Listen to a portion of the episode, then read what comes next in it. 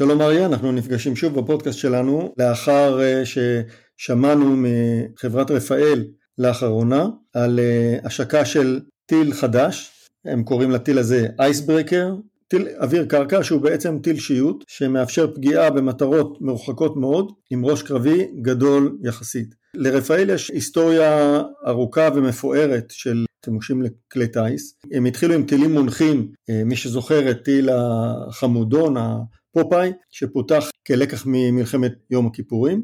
הטיל הזה אה, היה מנוהג באמצעות מצלמת טלוויזיה, אה, באמצעות תקשורת מהמטוס. הוא היה אחד מהטילים פורצי הדרך בזמנו, בנוסף על שימוש בחיל האוויר הישראלי, רכשו אותו גם חיל האוויר האמריקאי למפציצים כבדים מסוג B-52 ומטוסי F-15, רכשו אותו גם האוסטרלים למטוסי F-111 מי שזוכר, גם הטורקים ועוד, הקוריאנים, כך שזה היה טיל מאוד מוצלח, כיום כבר הביצועים שלו הם לא משהו, והחליף אותו אה, משפחה של אה, פצצות גולשות שהגיעו לאותו טווח בעצם, אבל ללא צורך בהנחיה קבועה. ברפאל פיתחו מערכת אלקטרו-אופטית שאפשרה להנחות את הפצצות בצורה אוטומטית לחלוטין, לפגיעה מדויקת מאוד, בלי תלות ב-GPS, שזה עקב אכילס של הרבה מאוד נשקים מונחים. וזאת גם אה, משפחה שהצליחה יפה מאוד, נמכרה בכמה מדינות בעולם, עברה טבילת אש במספר מקומות, כולל אה, במלחמה בין הודו לפקיסטן ולאחרונה אפילו נרכשו האמצעים האלה למטוסי יורופייטר אה, אירופים וכאן מגיע האייסברקר הטיל החדש שלוקח את היכולות המתקדמות מאוד של רפאל שפותחו לטובת הספייס משלב אותם בטיל שיוט טיל ממונע שיכול להגיע לטווחים ארוכים מאוד עם בינה מלאכותית ויכולות מתקדמות מאוד של זיהוי מטרה אוטומציה וכדומה ועל כך אני מבין שאתה דיברת עם רפאל וקיבלת פרטים אריה? כן, מדובר פה, כמו שאמרת, בדור חדש, של דור חמישי של טילים שרפאל אה, עושה.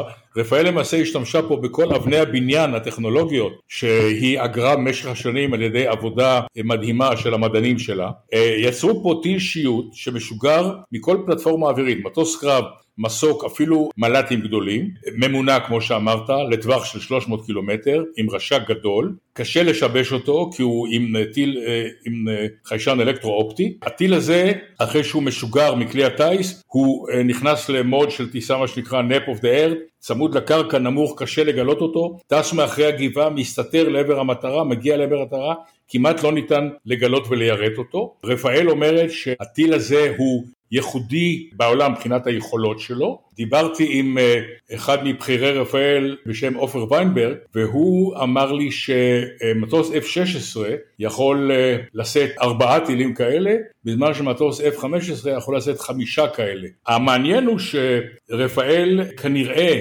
תסגור חוזה עם אחת מיצרניות הנשק הגדולות אה, בארצות הברית, לוקיד מרטין או רייטיון, כדי לייצר את הטיל הזה גם בארצות הברית. לרפאל יש כבר קשרים הדוקים עם שתי החברות, גם עם לוקיד מרטין וגם עם רייטיון, עם לוקיד מרטין בנושא של הפצצות משפחת הספייס, עם רייטיון בנושא של אה, כיפת ברזל וקלע דוד.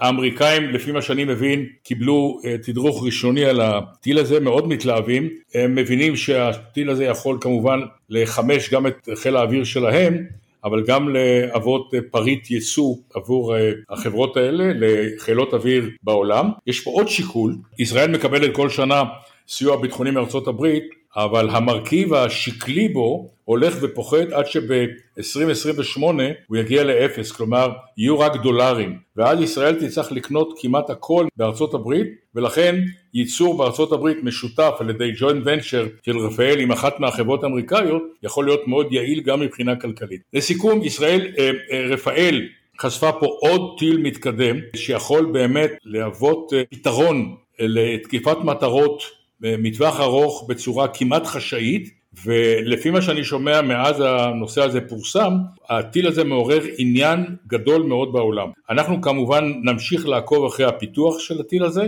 ונדווח לכם בהמשך. תודה תמיר ולהתראות.